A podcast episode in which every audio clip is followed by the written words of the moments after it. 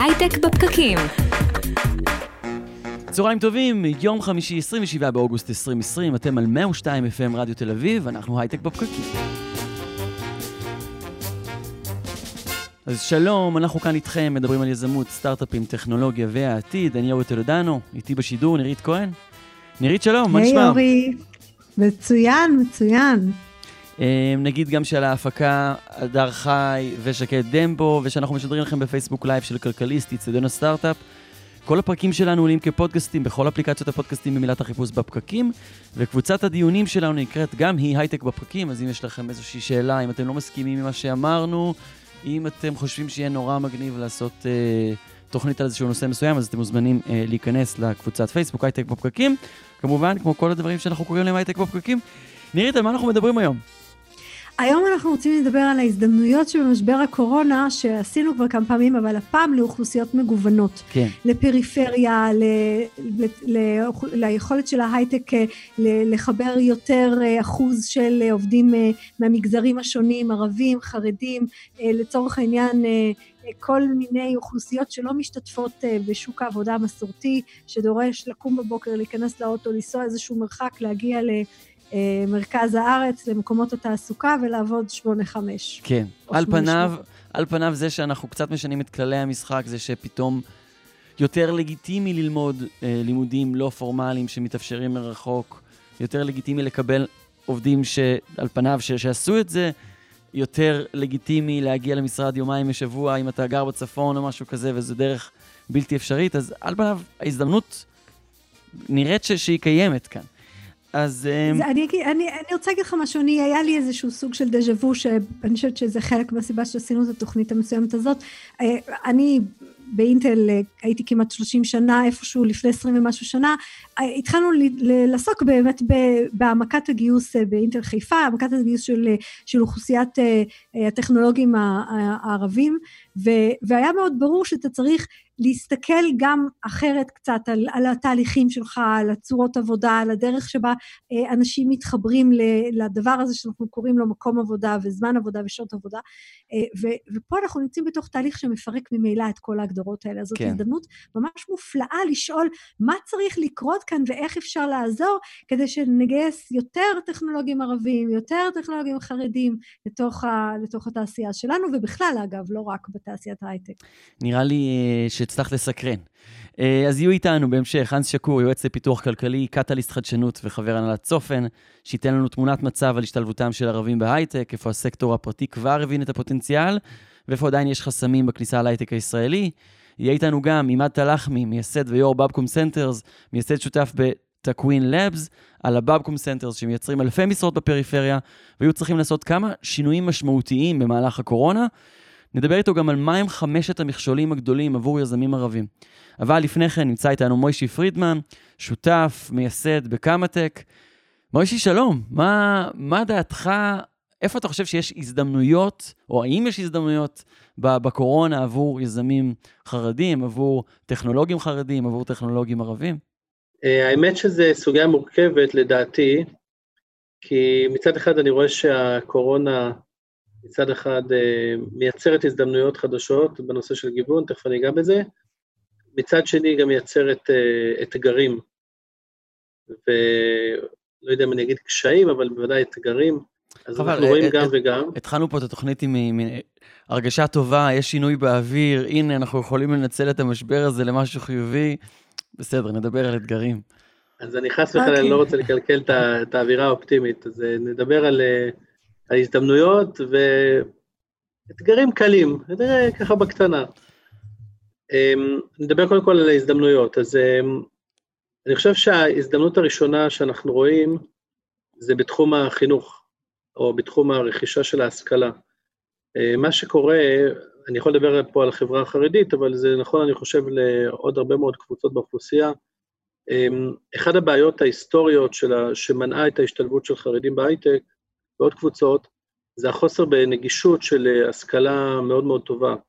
כי אנשים חרדים או אנשים חרדיות לא רצו ללכת למשל לאוניברסיטה העברית או לטכניון, אה, בגלל סיבות דתיות, בגלל סיבות תרבותיות, בגלל שלל סיבות.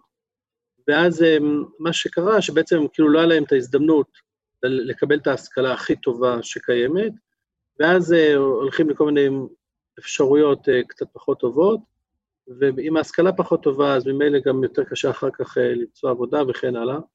אז בעצם, אתה, ש... אתה פותח פה חלון מאוד מעניין שבכלל לא קשור ישירות לסוגיה של צורות עבודה, ואתה בעצם אומר, עצם העובדה שאנחנו יכולים לצרוך מרחוק היום השכלה, מתוך הנחה שזה חלק מהתוצרים של מה שקורה פה עכשיו, אה, זה יעלה את היכולת של אנשים שלא נכנסו למערכות המוסדרות לרכוש השכלה.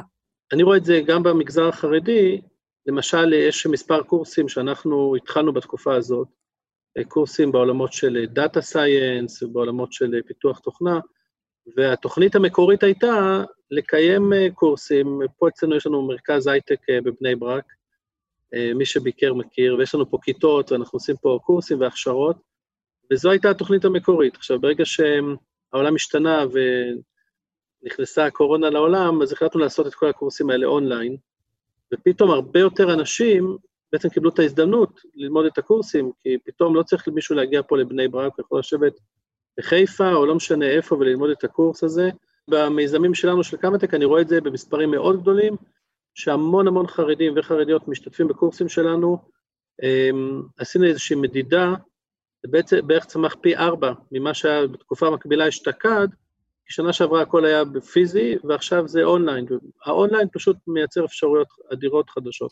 אנחנו רואים אגב, גם, אה, רואים אגב גם צריכה יותר מוגברת של אה, טכנולוגיה בשביל לאפשר את זה, זאת אומרת, גם זו תופעה שאנחנו רואים היום במגזר? כן, כן, יותר אנשים, אה, יש אני חושב דוחות זה משהו שאני לא בדקתי, אני לא מכיר לעומק, אבל אני ראיתי ככה מלמעלה כל מיני דוחות של ספקיות האינטרנט, של בזק ושל חברות אחרות, שיש עלייה מאוד משמעותית בחיבור לאינטרנט ובצריכה של האינטרנט.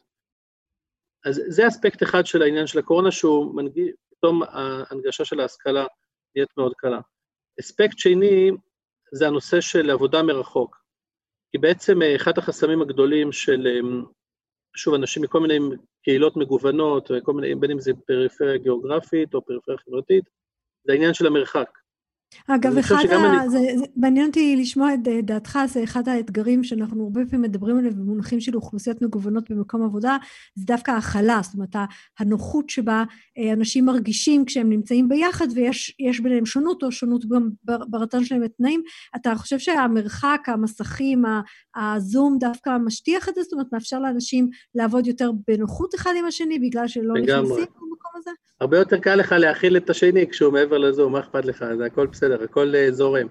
כשיושבים ביחד באותו חדר, ואחד ככה ואחד אחרת, אז אולי זה יותר מאתגר, אבל אם יושבים ורק רואים אחד את השני, את הפרצוף המחייך של השני בזום, אז הכל בסדר. אני חושב שזה הרבה יותר קל, uh, וזה הופך את הכל להרבה יותר אפשרי.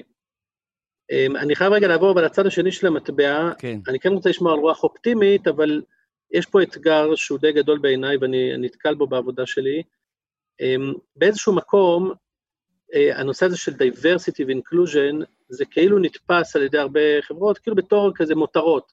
זאת אומרת, יש את הגיוס באמת שצריך לגייס עובדים, אבל בואו בוא ננסה לעשות משהו נחמד, וגם לגייס עובדים מגוונים, גם עובדים חרדים, ערבים, או יותר נשים, או לא משנה, כל מיני diversity, איך שמגדירים את זה. אז מה הבעיה עכשיו? כאילו, איפה, איפה זה פוגש אותנו? ובשוק של היום, מה, הבעיה שנוצרה, יש בערך איזה, אם אני לא טועה, משהו כמו מיליון מפוטרים, או אנשים שהם אה, בחל"ת, והמון המון חברות מפטרות עובדים, המון חברות uh, הקפיאו גיוסים. בעצם כל שוק הגיוס מאוד מאוד uh, הצטמצם.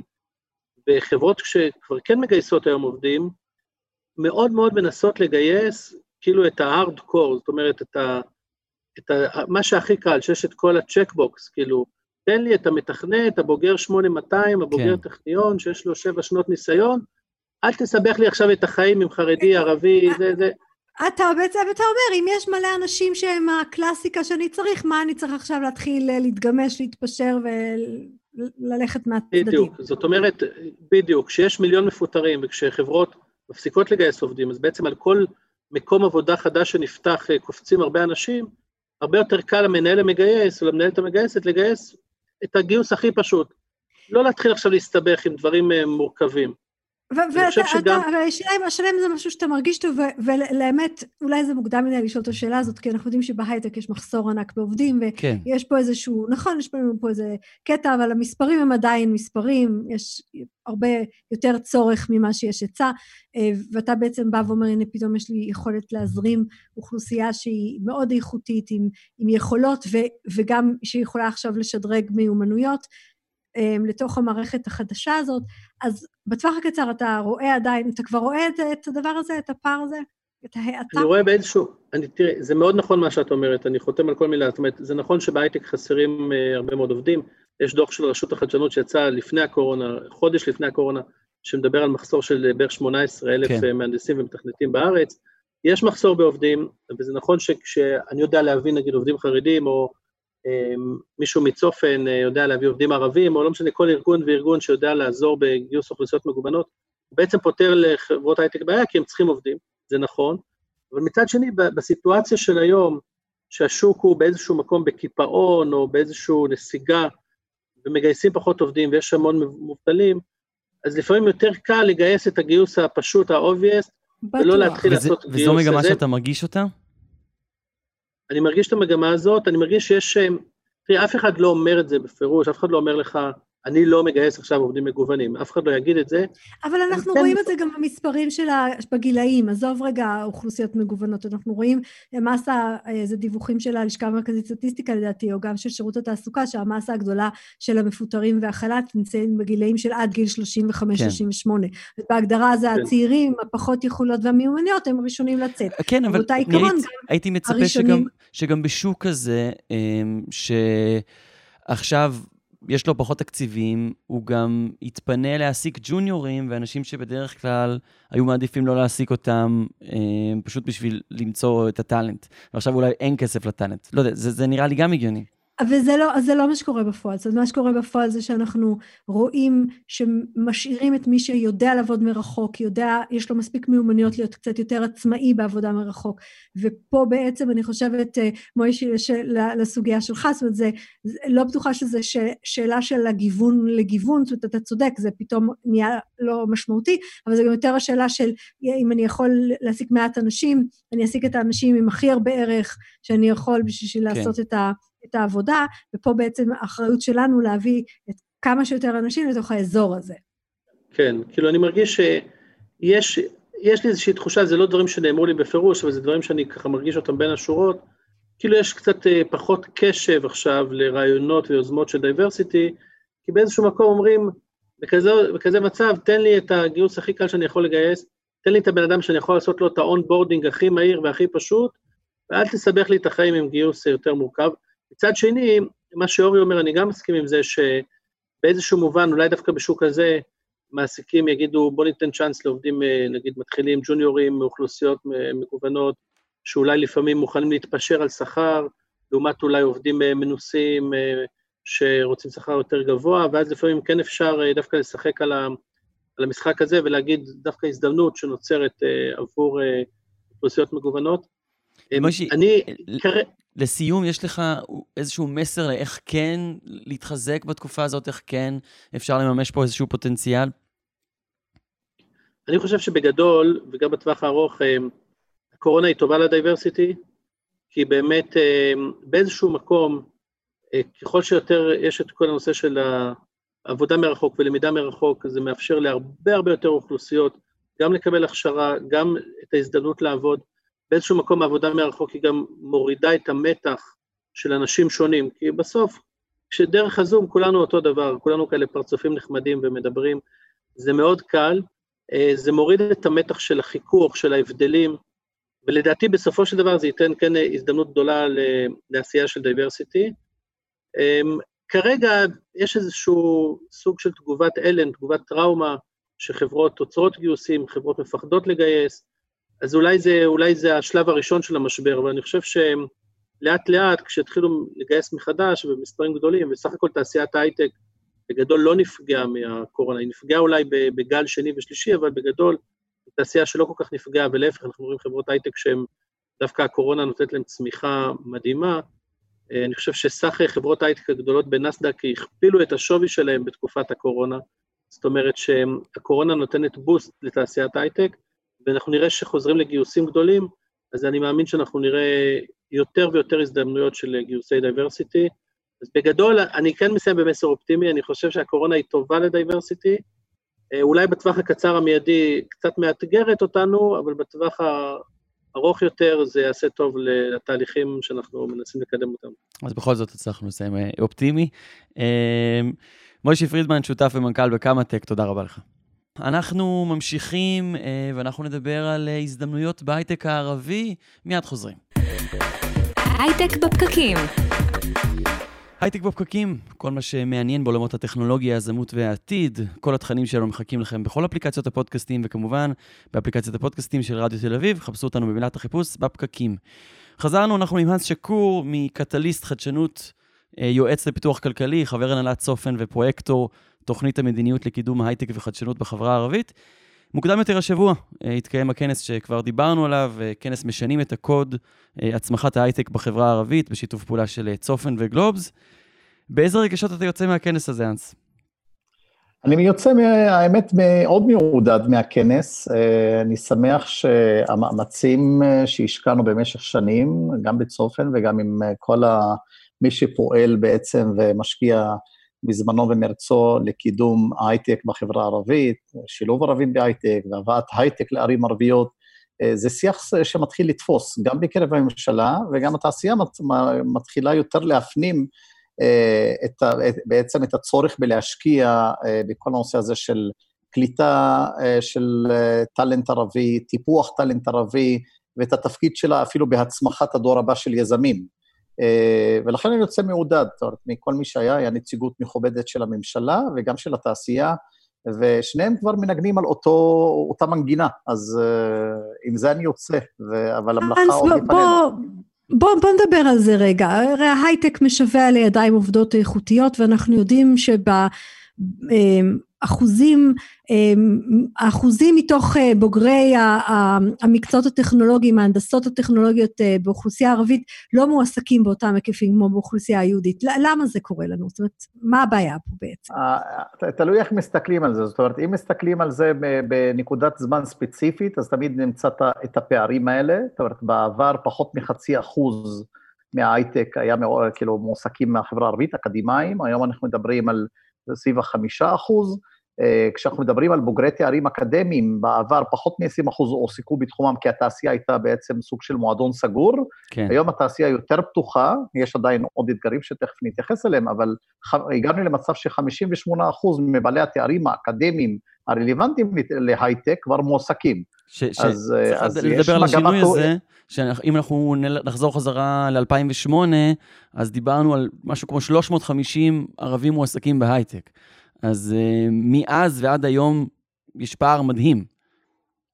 כן, הפערים עוד קיימים, כן. יש, uh, יש הרבה סיבות לכך. זה מתחיל מזה, קודם כל, מ, חוץ מזה שהתעשייה הייתה סגורה ולא ידעה איך להתמודד בעצם עם, ה, עם הנושא הזה של ערבים בהייטק, אה, הסקילסט, זה מתחיל קודם כל מהסקילסט, צעיר ערבי שמגיע לטכניון בגיל 18, אה, עד שהוא מגיע להייטק, זה, זה תהליך ארוך של לשכנע גם את הסביבה שלו, את המשפחה שלו, תמיד היה חששות סביב כל הנושא של ביטחון תעסוקתי, ואם אני אמצא את עצמי בתחום הזה, להבדיל מרפואה, רוקחות וכל התחומים שהערבים כן נהרו אליהם.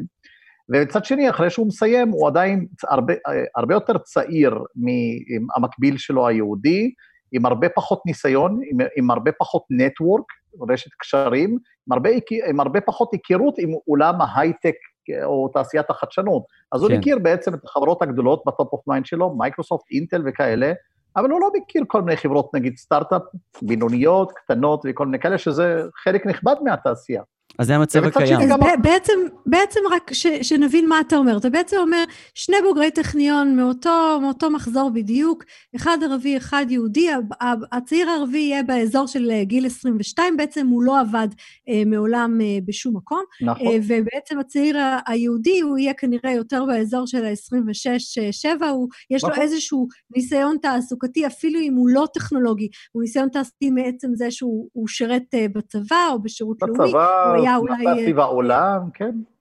ואולי אפילו הוא עבד בעצם ביחידות, הוא היה, הוא שירת ביחידות טכנולוגיות ואז יש לו גם ניסיון תעסוקתי. אגב, בהרבה מאוד מקרים הוא גם היה סטודנט, הוא עבד כסטודנט, צעירים נכון. ערבים עובדים כסטודנטים. כן.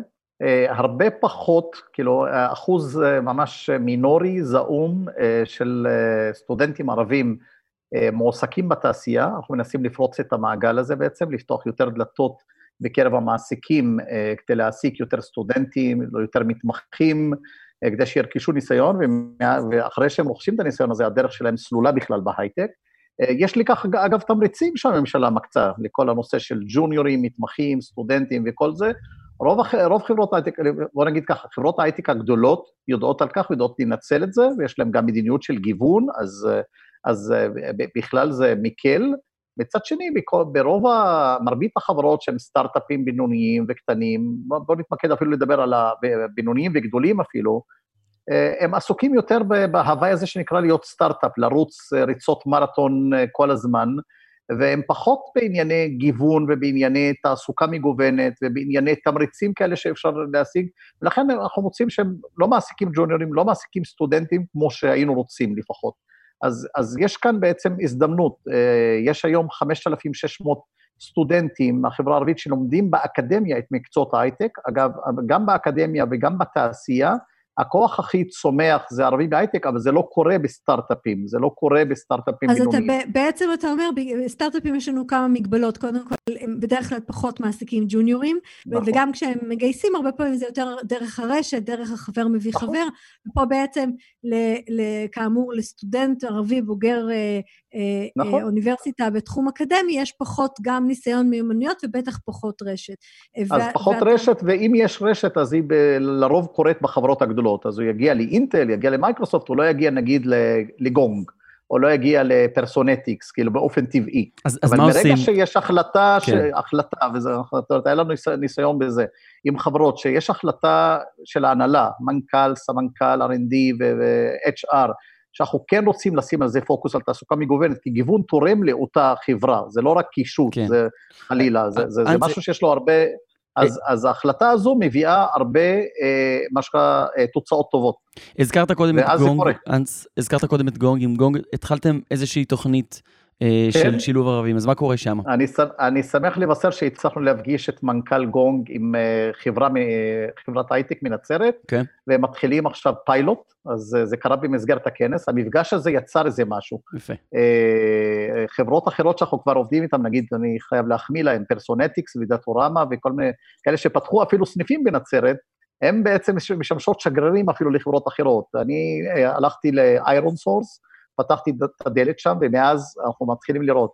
גם עם חברות גדולות, גם עם חברות בינוניות וקטנות וסטארט-אפים, ברגע שיש החלטה, אה, ויש החלטה שהיא נהיית מדיניות ולא כדרך אגב, אז גם המעגלים והפלטפורמות קיימות. ארגון צופן, זה מה שהוא עושה, עוסק גם בשילוב אקדמאים בתעשיית ההייטק ובכל המנגנונים, זאת אומרת, מליווי והכשרה והתמחות ו mentorship ועבודה מול המעסיקים וגם סביב תמריצים כדי להביא בעצם את, ה, את ה talent הזה שהתעשייה משוועת לו. מצד שני, אנחנו רוצים בעצם לחזק את כל הנושא. אתה בעצם אומר, אתה, אתה בעצם אומר, התוכניות האלה אמורות לסגור לנו את הפער בין, שתיארנו אותו מקודם. זאת אומרת, אם אתה מכניס נכון, תוכניות mentorship וליווי, נכון, אתה תסגור את הפער ש, ש, נכון, של המיומנויות והניסיון. נכון, הכנס אתמול היה סביב שהממשלה תהיה יותר מעורבת ב intervention הזה, כדי לעשות, אפ, כדי לעשות scale-up לכל התוכניות שאנחנו כבר עושים עם התעשייה. יש proof of concept, יש תוצאות, יש כבר 8,000 וקצת אה, מועסקים, אקדמאים מועסקים מהחברה הערבית בהייטק, הפוטנציאל שלהם זה להיות בסביב ה-15,000, אנחנו רוצים להביא את זה תוך חמש שנים למעל 20,000. אז, אה, אז יש פוטנציאל גדול, מצד שני יש פוטנציאל ב... שזה רלוונטי לערבים, אבל בכלל לפריפריה, של להביא את ההייטק ל, ל, למקומות האלה, לא רק להביא את הטאלנט. אז בוא, בוא, בוא, בוא נדבר על הנקודה הזאת. אתה אמרת מקודם, פותחים אה, בנצרת אה, סניפים, ובוא נדבר על הסיפור של הגיאוגרפיה. זאת אומרת, אה, למה צריך לפתוח בנצרת סניפים? אחד, אנחנו יודעים שרוב ההייטק, בערך 80-90 אחוז מההייטק מרוכז בעצם במדינת תל אביב, למרות שמדינת תל אביב, כמו שאנחנו קוראים לה, מאכלסת בערך שליש מהאוכלוסייה, או קצת פחות. כל גוש דן, כן. אין סיבה שההייטק והפירות של ההייטק, ההייטק כמנוע צמיחה כלכלי, ועם התרומה המשמעותית לתוצר, עם, עם הכמות של הזדמנויות תעסוקה שהוא מייצר בעצם, בעצם בשכר גבוה אפילו, לא יהיה בעצם נחלת כולם. וברגע שההייטק יהיה גם מרוחק מתל אביב, כאילו, מפוזר בכל מקום, זה יאפשר ליותר אוכלוסיות להשתתף, לא רק אוכלוסייה ערבית בכללה, אוכלוסיית הנשים בחברה הערבית, שיש היום יותר ויותר אקדמאיות, אבל לנסוע כל יום מהגליל לתל אביב בשביל לעבוד בהייטק, לא ולבזבז בערך הלוך וחזור חמש כן. שעות על הכביש, כאילו, זה לא פריון, זה לא עבודה, זה, זה בעצם, אה, אנחנו לא מטיבים. וחוץ מזה, אז... אם, אם נרוקן את החברה הערבית מהמוחות העובדים שלה, וכולם יהיו באזור תל אביב, נניח שיש להם איפה לגור שם, אז מה עשינו בעצם? מה השארנו? מובלעות שהם סלאמס? אז uh, זה כמו להגיד, בואו ניקח את כל ההייטקיסטים בישראל ושיעבדו בסיליקון וואלי. אז מה עשינו? כן. אז, לא, זה ברור. אבל על פניו, אנס, כרגע יש... מנוף, כרגע... אני אגיד רק משהו אחד, כן. זה מנוף לפיתוח כלכלי ולסגירת פערים.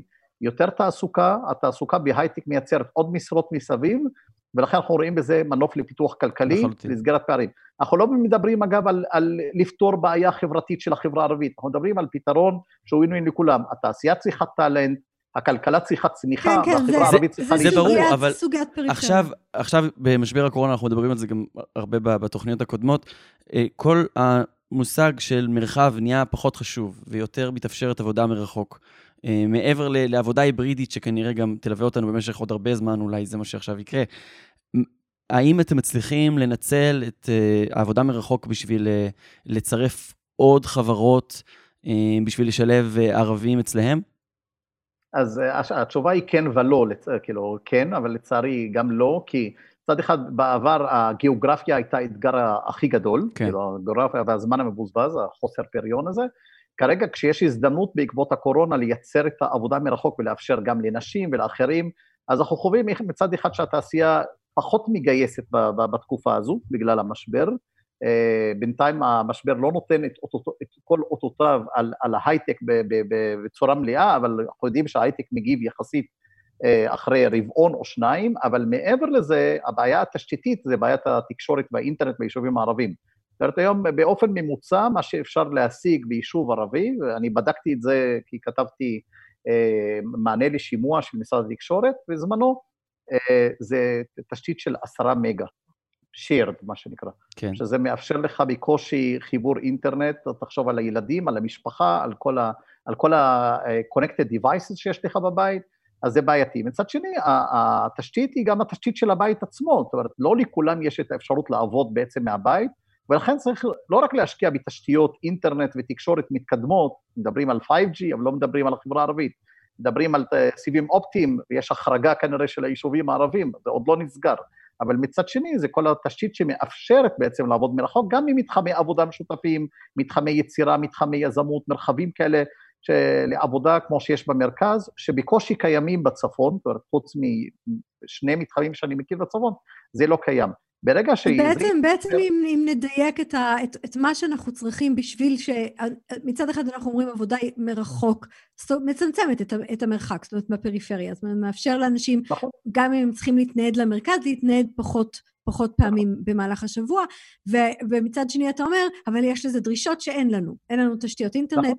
אין לנו בהכרח יכולת לעבוד מהבית, אנחנו צריכים יותר פתרונות, נניח במרכז יש אפילו לצורך. העניין בתי מלון, מתנ"סים, כזה צעירים, זאת אומרת, נכון. צריך יותר פתרונות מהסוג נכון. הזה. וכ- וכאן גם התפקיד של הממשלה, זאת אומרת, הנושא של תשתיות הוא קריטי. אגב, אם נעבור למודל היברידי די בקרוב, בתקווה שזה, שזה כן יקרה, גם להגיע למרכז יומיים או שלוש בשבוע בשביל להשלים את העבודה שצריך אה, בעצם, אה, בגלל כל הדרישות של ההייטק, עדיין זה, זה, זה, זה מצריך תשתיות תחבורה נורמליות שבקושי קיימות, אה, ו, ולכן כן. החשיבות של להקים את המתחמים האלה ולאפשר עבודה מרחוק גם בצוותים, זאת אומרת, זה לא הבודד שעובד מרחוק, זה הצוותים שיוכלו לעבוד מרחוק. ופה יש עוד משהו שאני שמעתי אותך אומר, שהוא באמת אה, גם ככה עבודה מרחוק דורשת מאיתנו להתארגן אחרת, אה, דורשת מאיתנו לחבר אנשים אחרת. עכשיו פה אתה מוסיף באמת את הפער התרבותי, איך, איך אנחנו אה, מחברים ו, ו, ומגייסים וממיינים ומנהלים נכון. אנשים, הגישור של הפער התרבותי הוא אפילו עוד יותר קשה נכון, בעצם, והתקופה הזו דרך הזום לצורך העניין. זה, זה נכון לכולם אני חושב, אבל כשזה מגיע לחברה הערבית ולנשים ערביות, אקדמאיות שבוגרות את התארים הרלוונטיים, אני חושב שתקופת הקורונה רק העצימה, הציפה והעצימה את הפערים האלה. זאת אומרת, אה, גם uh, התשתיות, גם המרחב שמאפשר, אבל גם מצד שני, כל הפערים התרבותיים. זאת אומרת, בשיחה של פנים אל פנים ידעת לקרוא את שפת הגוף של בן אדם. בשיחות מסדרון יכולת לקלוט כמה דברים כשאתה עובד בצוות. היום כשזה הכל מרחוק, אתה מפוקס בעצם במסך, בין הטלפון לבין הזום, לבין הוואטסאפ, לבין המייל, לבין הסלאק, זה, זה משהו חסר. זאת אומרת, אני, אני לא המומחה הגדול לדבר על זה, אבל הרבה מדברים על זה ואומרים עד כמה זה מאתגר ועד כמה לפעמים זה מעייף, ועד כמה זה מייצר אפילו חסמים בפני אה, חלק מהאנשים. זאת אומרת, אה, לא רק שיש חברות שפחות מגייסות בתקופה הזו, אה, להביא אנשים לראיון בזום, אה, יכול להיות שזה מצד אחד ברכה, יכול להיות שזה מצד, מצד אחר קללה. אנשים לא ערוכים לזה, אנשים לא התרגלו לזה, זה משהו שנוצר אד הוק מהיום להיום בעקבות המש... כל המשבר הבריאותי, הקורונה והחששות וזה, אבל אף אחד לא היה ערוך לזה. אז יש אנשים שכנראה מורגלים בשיחות ועידה כאלה אונליין, ויותר קל להם, יש אנשים שהם פחות מורגלים, יש אנשים שמרגישים קושי בכלל בלעבוד מרחוק בשיטה הזו. אז, אז אני אומר, כשזה מגיע לחברה הערבית, זה בכלל עולם זר.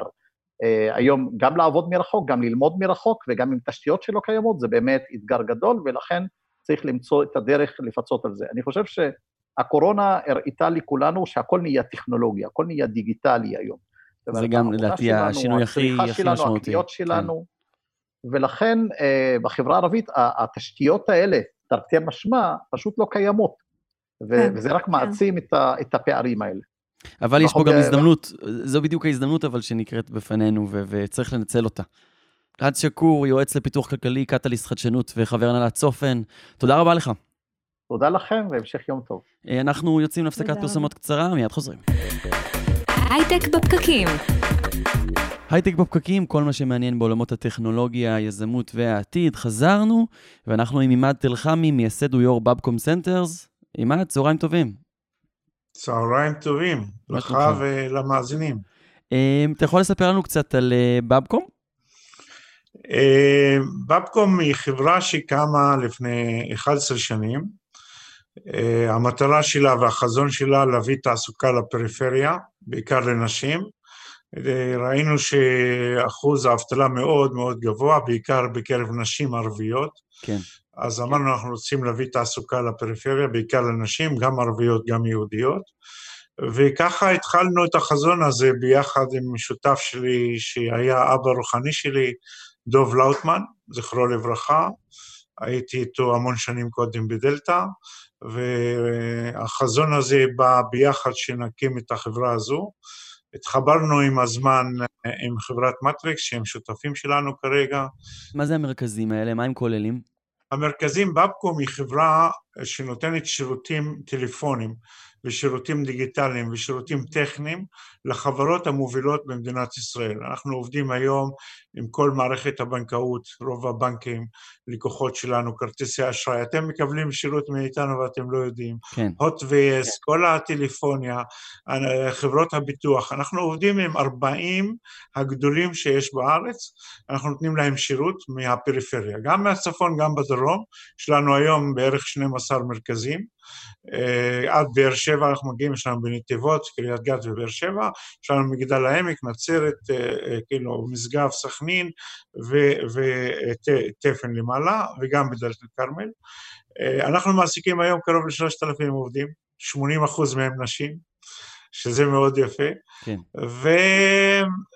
וזהו, ואנחנו נותנים שירות הכי טוב, אנחנו נחשבים לנותני השירות הכי טוב בארץ, כי אנחנו יודעים לגעת בלב של הלקוח. איך המשבר משפיע עליכם עד כה? אתם רואים יותר ביקושים לשירותים שלכם, יותר אה, היצע של עובדים שמחפשים עבודה? את האמת, המשבר הזה אה, התקיל את כולנו כמובן, משבר אה, לא פשוט, קשה מאוד. אחד האתגרים הראשונים שלנו שנתקלנו בהם, איך אה, להוציא אנשים שיעבדו מהבית. אז, אה, אז הלקוחות שלנו מתחלקים קודם לשני לקוחות, לקוחות חיוניים, של עסק, עסק חיוני, ולקוחות לא חיוניים. מה שלא חיוני היינו צריכים כאילו ל, ל, לתת חל"תים לעובדים בתקופה הראשונה, ומי שחיוני אה, יכלנו לתת לו עבודה, אבל לא ממקום העבודה, בשביל לשמור על התו סגול, אז נאלצנו לתת להם עבודה מהבית. אז רק, רק שנייה אחת, שאני, שאני אבין את זה בעצם אז, הרי, הרי אם התחלנו את השיחה מהבעיה ש, שלנו מראש שהפריפריה רחוקה ממקומות התעסוקה, אז בעצם ב, ב, בעולם עבודה שמאפשר לאנשים לעבוד מהבית, אמור להיות, אמורה להיות בשורה. זאת אומרת, אם אנחנו נראה פה השתנות שבה יותר ויותר אה, משרות יזוזו מה, מהמרכז חד, לעבודה... חד משמעית, כן.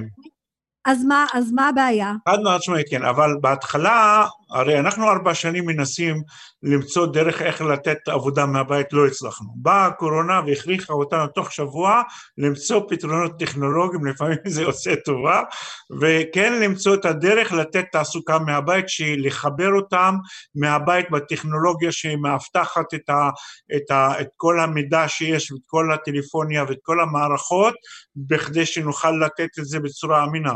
אז עשינו מהלך מאוד זריז והצלחנו להוציא כ-1,300 עובדים שעבדו מהבית בתקופת השיא שלנו, ואז נתקלנו באתגרים היותר קשים שלא ידענו עליהם. האתגר הראשון היה שאין לי כולם מחשבים בבית, או אם יש להם מחשב זה לא ברמה שאני רוצה אה, שיהיה מאובטח מספיק טוב בכדי לתת שירותים אה, שאנחנו רוצים לתת.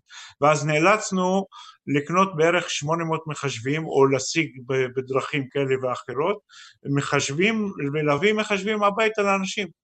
אז הבאנו את המחשבים ואז נתקלנו בעוד צרה. הבעיה השנייה הייתה שהתשתיות הן מאוד חלשות, תשתיות האינטרנט, התקשורת. אז, אז, אז יש בעיה מאוד אם, קשה. אם, אני, אם אתה בעצם אתה אומר, אם אני כמעסיק אה, צריך לשלוח את העובדים שלי הביתה בפריפריה, בניגוד לאזור המרכז, ששם אני יכול להניח ש... אה, אם אני אתן להם מחשב אז הם יוכלו לתפקד אה, ברמה טובה. פה אתה אומר, שלחתי אותם הביתה ולא בטוח שהתשתית מספקת מבחינת היכולת להתחבר, לדבר בשיחות טלפון כמו שצריך וכולי.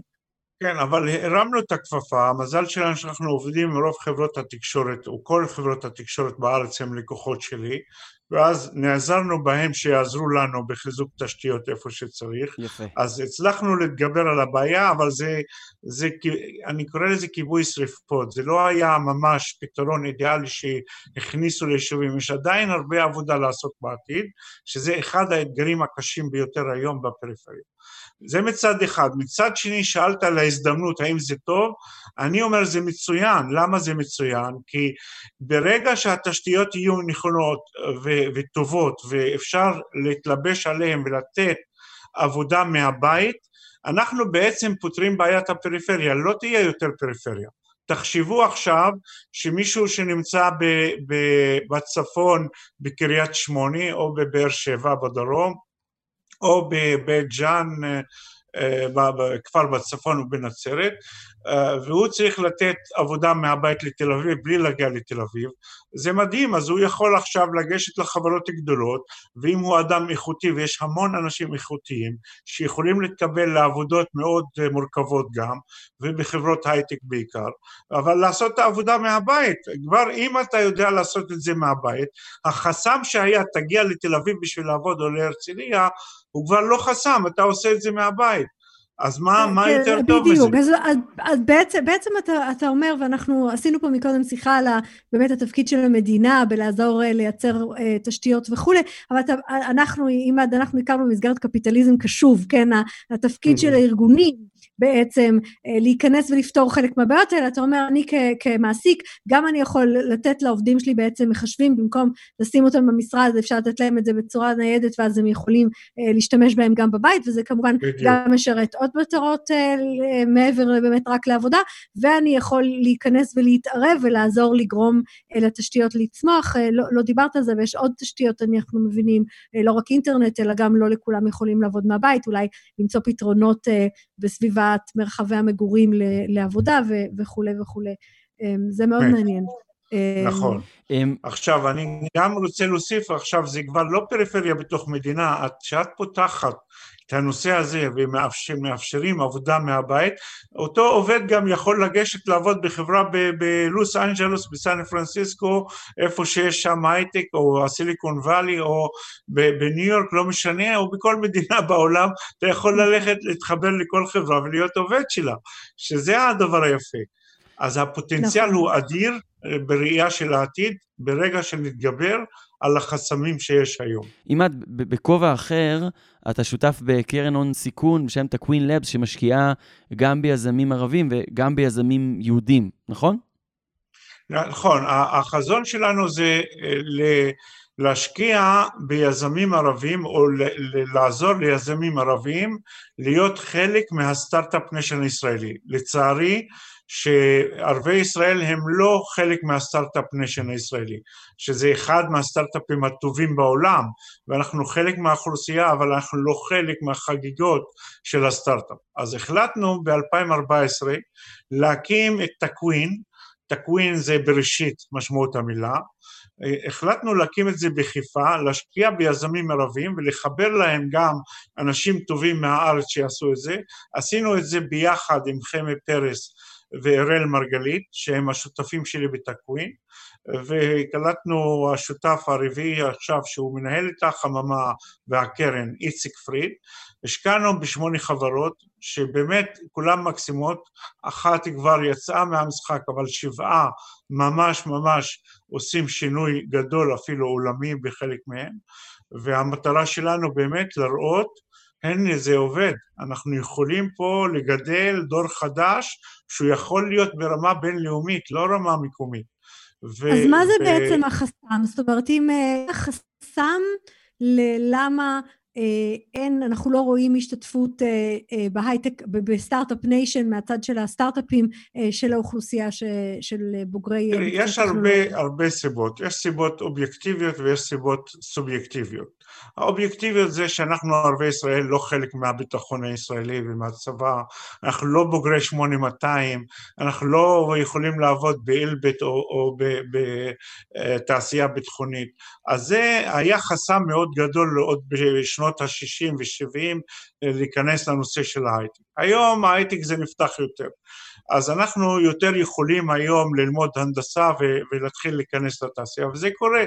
יש שינוי מאוד גדול כרגע, שערבי ישראל יותר ויותר לומדים אה, אה, בטכניון ולומדים הנדסה. אנחנו כבר רואים אקזיטים ערבים? אם תראו שבטכניון... אנחנו כבר רואים אקזיטים ערבים? עוד אין אקזיטים, יש אה, חברות מצליחות דווקא שיכולות להיות כן. מאוד טובות, עדיין לא ראינו אקזיטים גדולים, היו פה ושם קצת, אבל לא משהו... אבל המטרה זה להגיע לאקזיטים כן. גדולים של מאות מיליונים או, ואולי או מיליארד דולר ומעלה. או לפתח במעלה. חברות שזה אפילו יותר טוב, חברות אה, ערביות. או שנפתח חברות שיהיו כאלה. אבל הבעיות הסובייקטיביות, אני קראתי לזה חמשת הפחדים של ערבי ישראל בזמנו. ו- ואני לא יודע אם תרצו להיכנס לזה, אבל uh, אני אספר על, ה- על הראשון בהם, זה פחד הכישלון. שיש פחד אה, בקרב האוכלוסייה הערבית שהכישלון זה בושה. ושמישהו כן, נכשל בעצם, ומרגיש בעצם שזה... בעצם אתה אומר, האלמנט התרבותי שהופך את האלמנט התרבותי הופך... זה... סטארט-אפ הוא בעצם לא קיים, כן.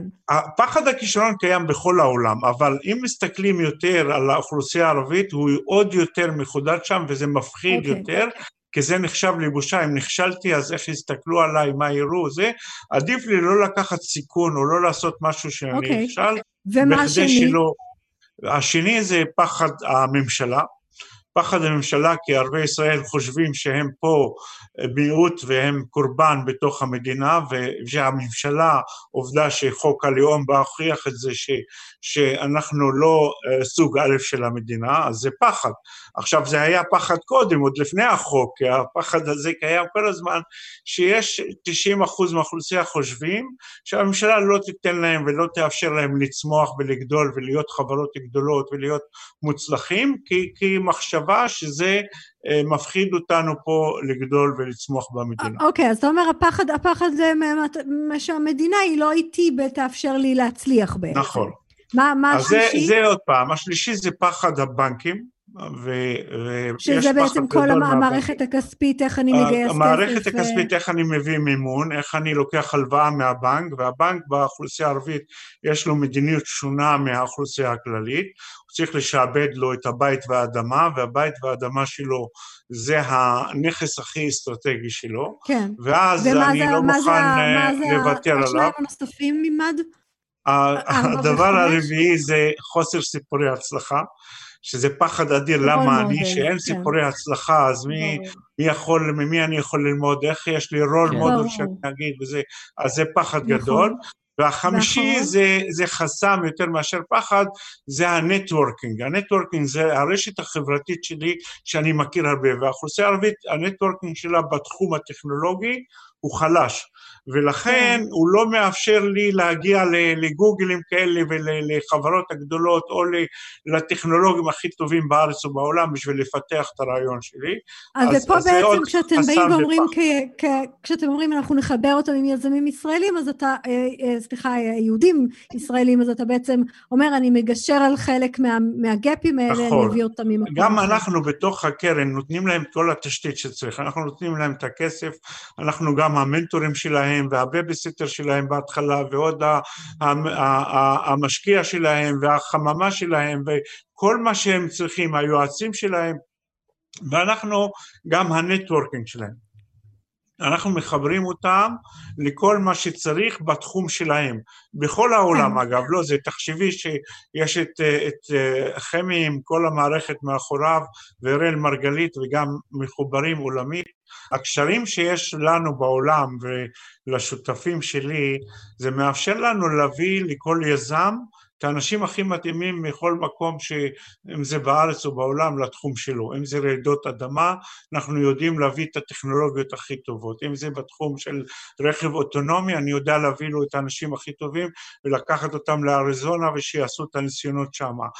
בכל תחום שיש, שאנחנו עובדים איתו היום ועובדים באמת עם כל כך הרבה תחומים, אנחנו יודעים להביא את היזמים לכל מקום. מנסים, ולאנשים... מנסים לתת את, ה, את הפתרון הרחב לכל החמישה הקשיים האלה ש, שהעלית. בדיוק. עימאד תלחמי, מייסד ויו"ר Babcom Centers, אה, שותף ב Takwin Labs. אה, אנחנו מגיעים אה, לסוף התוכנית הזאת, אז אני רוצה להודות לך, נירית, שהיית כאן איתי. תודה, אורי. תודה. תודה לכלכליסט ולרדיו תל אביב על שיתוף הפעולה. תודה לכם שהאזנתם לנו. סעו בזהירות אם אתם בדרכים, אם הצטרפתם רק בסוף. אל דאגה, תוכלו לשמוע את השידור כפודקאסט בכל אפליקציות הפודקאסטים, באפליקציית רדיו תל אביב, Spotify, SoundCloud, iTunes וכל השאר, חפשו בפקקים ואנחנו נחכה לכם שמה. וכמובן, כל יום חמישי בשעה 12 ברדיו תל אביב. אני אורי טולדנו, תודה לכם על האזנה, נשתמע בשבוע הבא.